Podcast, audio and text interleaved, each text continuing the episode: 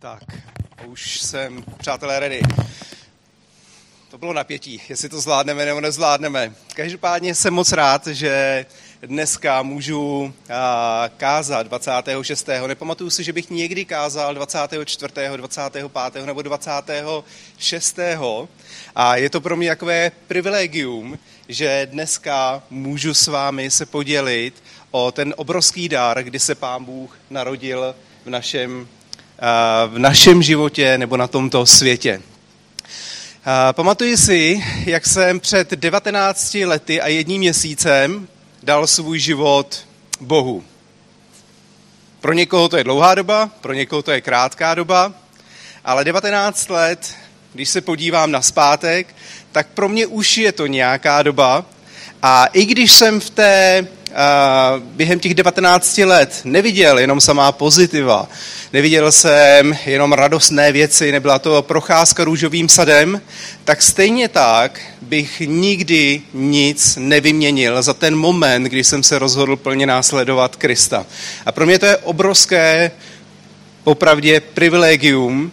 A stejně tak můžu vidět, jak po celou tu dobu, jak v těch radostech, tak i strastech, Bůh celou tu dobu byl při mě, při mě stál.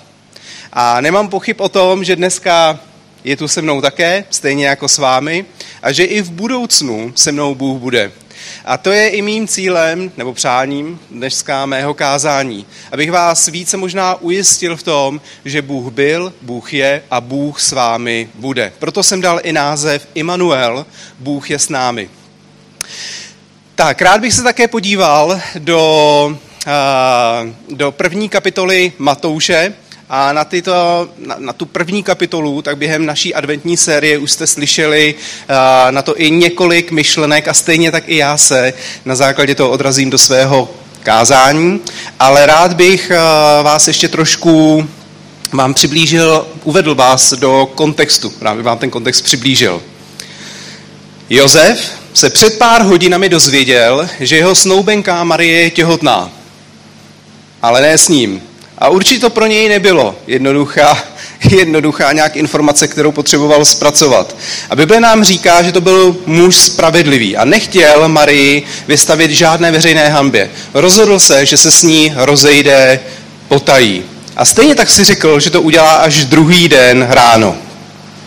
Jenomže ve snu se mu zjevuje anděl a říká mu, Josefe, synu Davidův, neboj se vzít si Marii za manželku, neboť to, co v ní bylo počato, je z ducha svatého. Porodí syna a dáš mu jméno Ježíš, neboť on zachrání svůj lid od jejich hříchů. To vše se stalo, aby se naplnilo, co hospodin řekl ústy proroka. Hele, pana počne a porodí syna a dají mu jméno Immanuel, což se překládá Bůh je s námi. Matouš zde cituje proroctví, které se odehrálo 740 let před narozením samotného Ježíše. A já si vždycky říkám, jak Bůh je neskutečně velký, protože pro nás, nám to, mě to prostě hlava nebere, lidský rozum. A když se podíváte i na život Ježíše a našli byste se i ve všechna vlastně proroctví, která se naplnila v jeho životě, tak se dostanete k většímu číslu než je 400. V Bibli ve Starém zákoně je více jak 400 velmi specifických mesiářských proroctví, které se mají naplnit v životě spasitele. Když to dostanete do nějakého řádu posloupnosti, tak se dostanete k číslu 10, 1 ku 10 na 43 jo, což je enormní číslo. Prostě to je naprosto nemožné, že by se to nějakým stylem dokázalo odehrát náhodou. Jedna ku deseti na 43. Mně se to hrozně líbí, to on to popisuje Alfred Pala ve své knize Tajemství Bible. A jinak doporučuji, taky skvělá kniha, kde, kde se nezabývá jenom proroctvím, ale vůbec Biblí jako samotnou a právě dává do světlo x souvislostí a věcí s tím spojené. Takže toto proroctví, které Matouš zde cituje, můžeme najít v Izajáši v 7. kapitole 14. verši, kde je napsáno Sám pán vám proto dá znamení. Hle, pana počne a porodí syna a dá mu jméno Immanuel. Bůh je s námi. Každý žid, Přátelé, každý žid velmi dobře znal tento text Izajáše, protože každý žid velmi toužebně očekával, až se naplní toto proroctví, až pana počne a porodí syna. Až vlastně najednou se sjednotí ta boží přítomnost v lidském životě, kdy Bůh už nebude někde daleko, nebude dán pouze nějaké elitě lidí, jako byli králové, proroci nebo kněží, ale bude dána úplně každému. Jo, například velekněz mohl do boží přítomnosti vstoupit jednou za rok. Bylo to na svátek Den smíření, Jom Kippur, kde vlastně šel do té nejsvatější části chrámu, takzvané velesvatyně, a pro jistotu, kdyby se cokoliv stalo, tak mu ještě kolem nohy ovázali lano, protože kdyby tam zemřel, tak by ho neměl kdo vyzvednout nebo vytáhnout jinak, než právě tím lanem.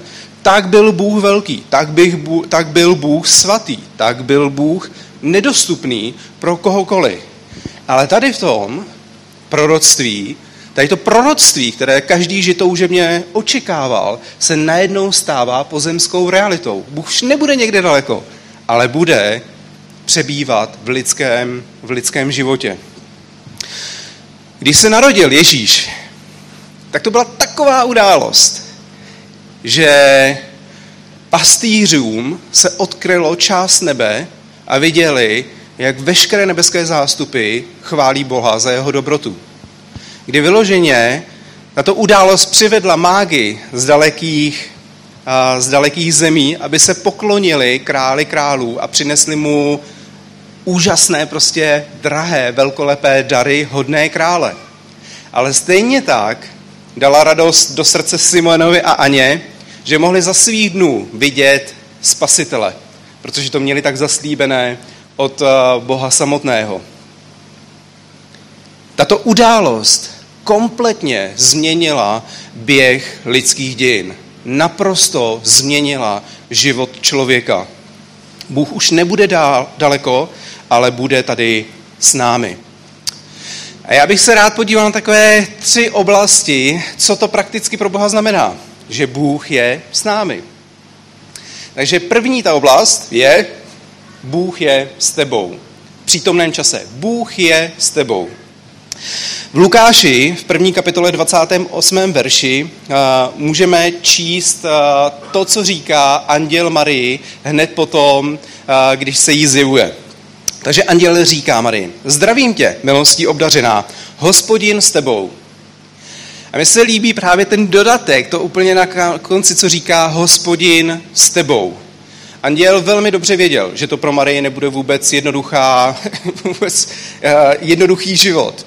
A taky, jak kdyby hned na začátku ubezpečuje, Bůh to má pevně ve své dlani. Hospodin je s tebou. On to všechno pevně drží. Nemusí se prostě bát. Hospodin je s tebou. A to stejné si myslím, že platí i pro každého z nás, že to můžeme stáhnout do našeho života. Hospodin je neustále s tebou v každém okamžiku tvém životě. Ať už řešíš, ať už neřešíš, ať se raduješ, ať, se, ať brečíš, ať děláš cokoliv, Bůh je s tebou.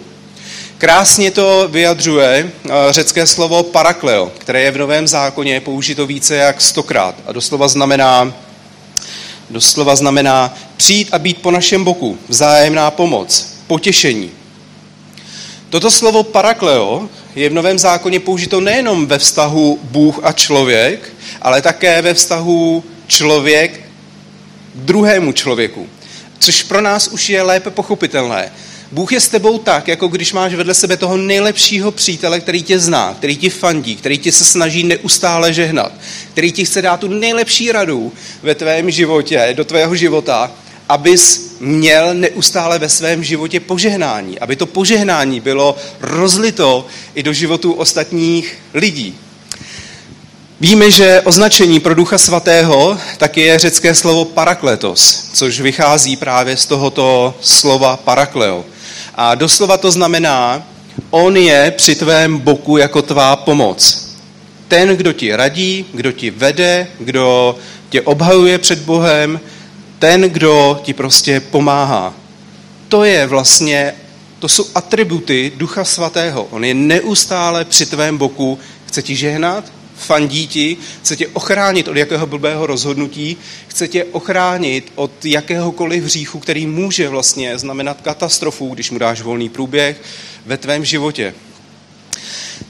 Takže prakticky to znamená, když jsi sám, Bůh je s tebou jako tvůj společník.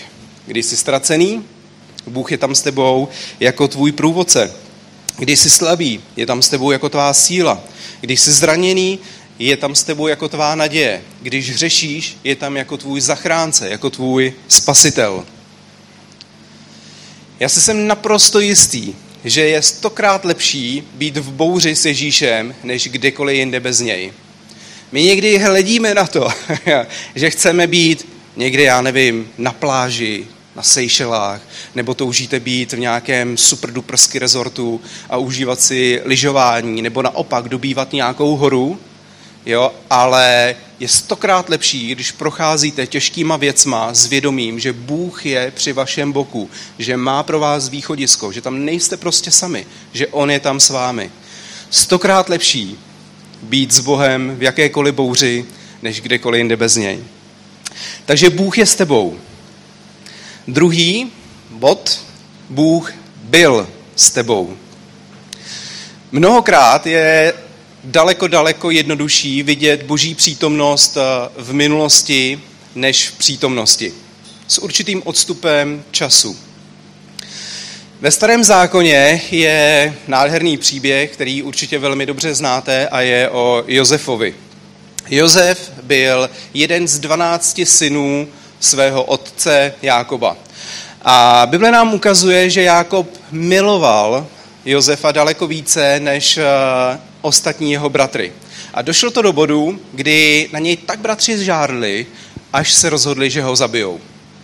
Jenže v tom vystupuje nejstarší brácha, Juda, a říká, chlapi, ušpiníme si akorát ruce prostě jeho krví. Co kdybychom ho prodali do otroctví? Hele, tam jdou zrovna Izmaelité, karavana, prodejme jim ho. Vypadá dobře, ještě z toho budeme mít nějakou kačku a večer to můžeme jít společně oslavit. Což se také stalo a Josef se ocitá v Egyptě eh, na faraonově dvoře v domě Potýfara, jednoho z, vrchní, z vrchních vlastně úředníků faraonova dvora. A protože Bůh je s Josefem, tak se brzo stává správcem celého jeho domu. Jenomže, tak jak už to někdy bývá, je v tom nějaký háček, jako z nějakého filmu. A žena Potýfara tak se s Josefem prostě chtěla vyspat. Líbil se jí, Josef vypadal skvěle, atletické postavy, určitě vysoký chlap, prostě vypadal dobře. A tak si na něj dělala zálusk. Jednoho dne Josef přišel domů, Potýfarka na něj skočila a začalo přemlouvat, ať s ní spá, spí. Jenomže Josef nechtěl. Věděl, že by to bylo něco špatného, chtěl se toho vyvarovat a říká jí všechno, v domě tvého pána, tvého muže, je mi dovoleno, krom tebe. Na tebe prostě šáhnout nesmím. Jenže tak na něj naléhala, až prostě utekl. Blbý na tom bylo, že jak se jí vytrhl, tak jí nechal svůj šát v jejich rukou. Přátelé, jestli se vám někdy stane, že vás někdo bude držet a bude s vámi chtít spát a samozřejmě vy nebudete chtít, tak mu nenechávejte svý šaty jako blbě se vám to pak bude obhajovat, protože Potýfarka samozřejmě Josefa obvinila před svým manželem a dopadlo to tak, že Josef skončil uh, v žaláři. Jak to jinak mohlo dopadnout, že? Když vybíhal na z jejího pokoje. Prostě, co si myslím, že s tím jako moc nic nemohl udělat.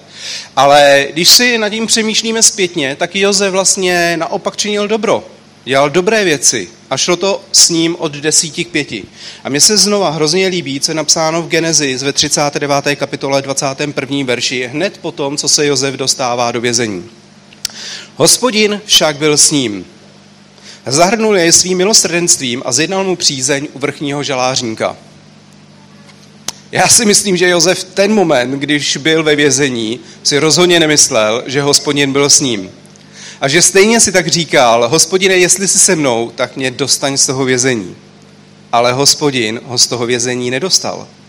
Ale hospodin tam s ním v tom vězení byl. My si někdy myslíme, že jestliže Bůh je s námi, tak nás přeci musí dostat z toho nějakého trápení, utrpení. Ale tady vidíme, že to nenastalo, ale Bůh tam s ním byl. To, že procházíš těžkýma věcma ve svém životě, vůbec neznamená, že Bůh tam s tebou není. My, protože ten příběh dobře známe, tak také víme, jak skončil. Po několika letech skutečně Josef vychází z toho vězení a stává se správcem celého Egypta. Odpouští svým bratrům a celou svoji rodinu tak uvádí do úrodné země Gošen. A tím vlastně zachraňuje celou svoji rodinou před vymřením hlady, protože v té době už eh, udeřil opravdu velmi silný hladomor na velkou část eh, té země. V Genezi 45.8 pak eh, Jozef svým bratrům říká, nebyli jste to teda vy, kdo mě jsem poslal, ale Bůh. To on mě učinil faranovým otcem, pánem celého jeho domu a vládcem nad celou egyptskou zemí.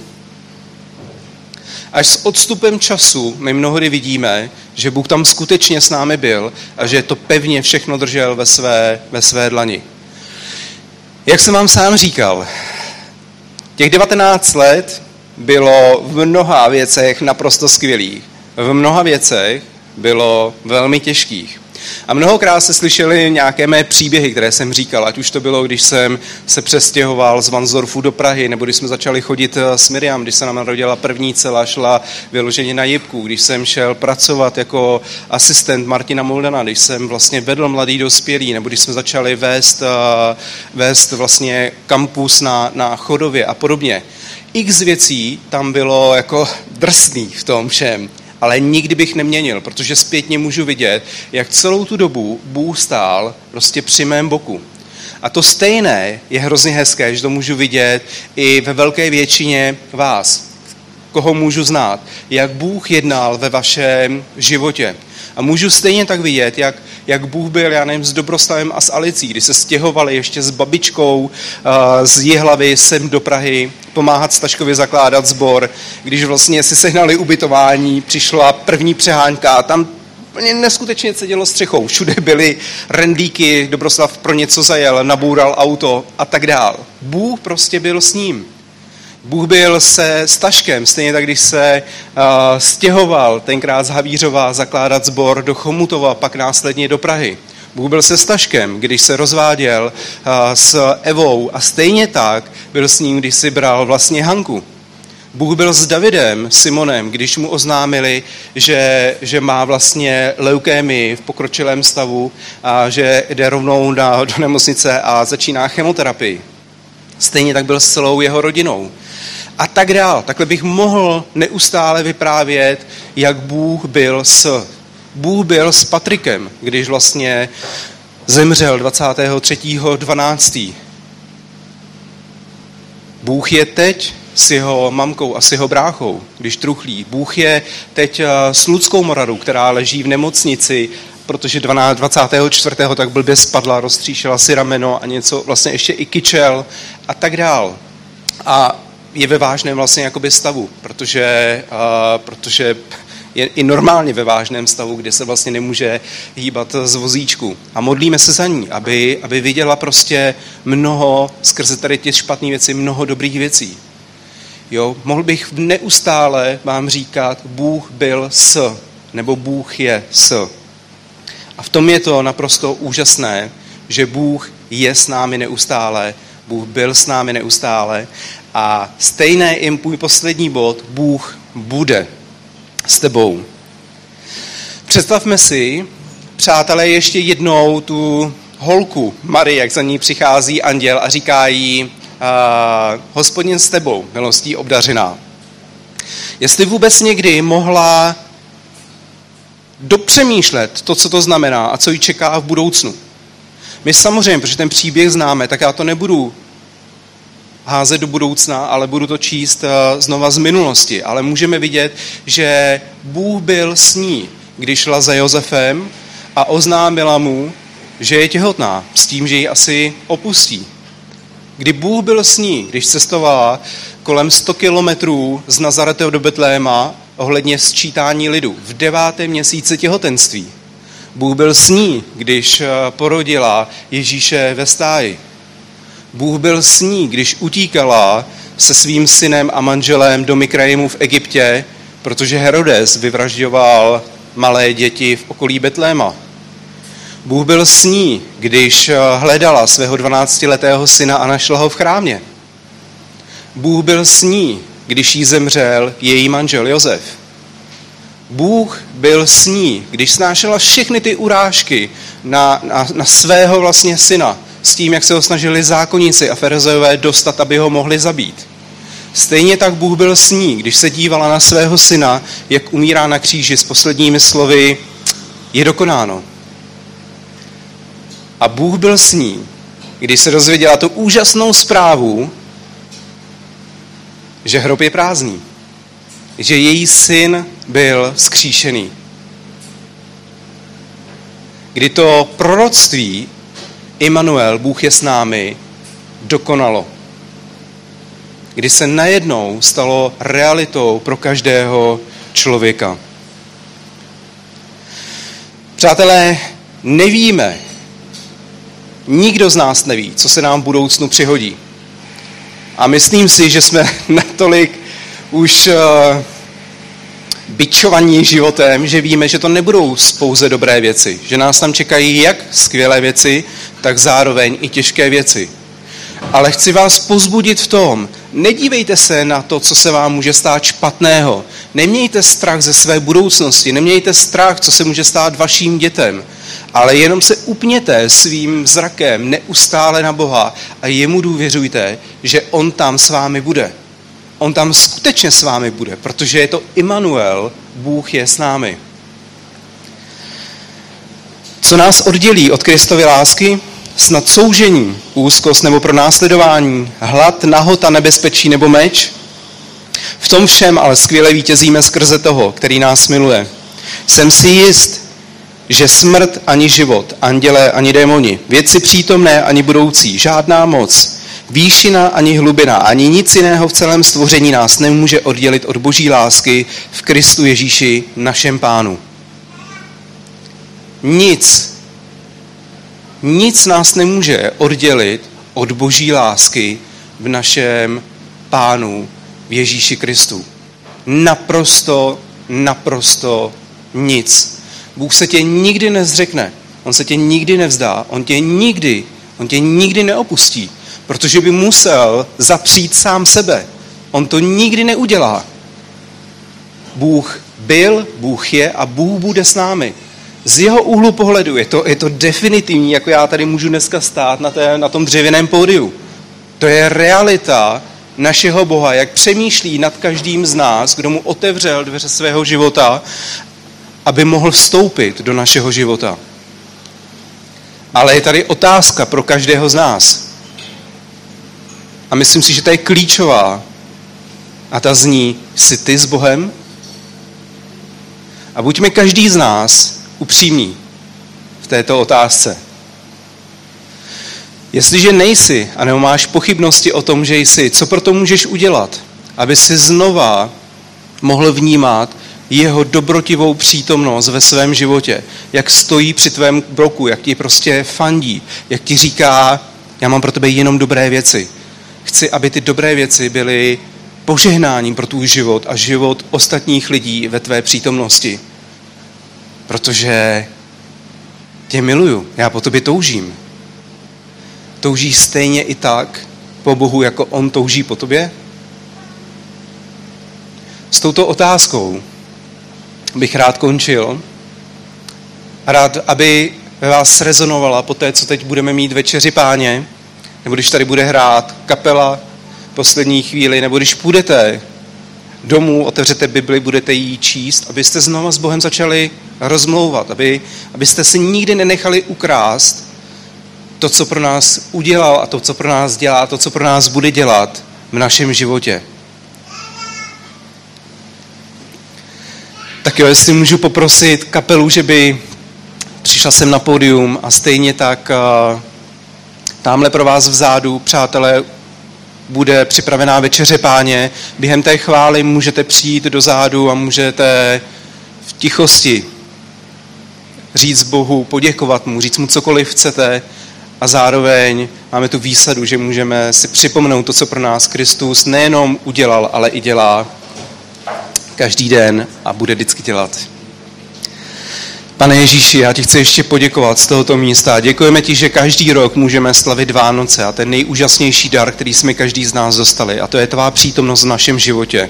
Že znova můžeme mít tu pevnou linku do nebe, králi. Že skrze tebe opravdu můžeme zažívat plnost života, králi. Jak v duchovní, tak i fyzické oblasti. A i když nás mnoho věcí irituje, včetně mnohdy nás samotných, našeho ega, anebo ať už to jsou věci, které nedokážeme ovlivnit a které přinášejí a, napětí a určitou zoufalost do našeho života, tak to, pane, dneska chceme tobě odevzdat. Chceme znova nasávat tu naději, kterou máš pro nás, králi. Chceme se dívat se zrakem upřeným na tebe, protože ty jsi zvítězil. Ty jsi skutečně vítězem a králem v našem životě. Ty jsi nám dal přemostění do věčnosti s Bohem kde nebude žádný pláč, kde, kde lev bude pobývat s beránkem, kde se znovu vrátíme do toho původního tvého plánu, tak jak jsi to měl úplně na začátku, králi. Kde nebude žádné, žádná, žádné takovéto ubližování, bolest, pláč, ale kde bude naopak radost, smích, pane. Chválíme tě, vyvyšujeme tě a díkujeme ti i za tu obrovskou trpělivost, kterou s námi máš, králi. Díky, že při nás pořád stojíš, že se nás nikdy nezřekneš. Z našeho pohledu je to neuchopitelné, ale díky, že jsou věci, na kterých my pevně můžeme stát v každé životní situaci, ať už se nacházíme kdekoliv. Chválíme tě, králi, vyvyšujeme tě a děkujeme ti. Amen.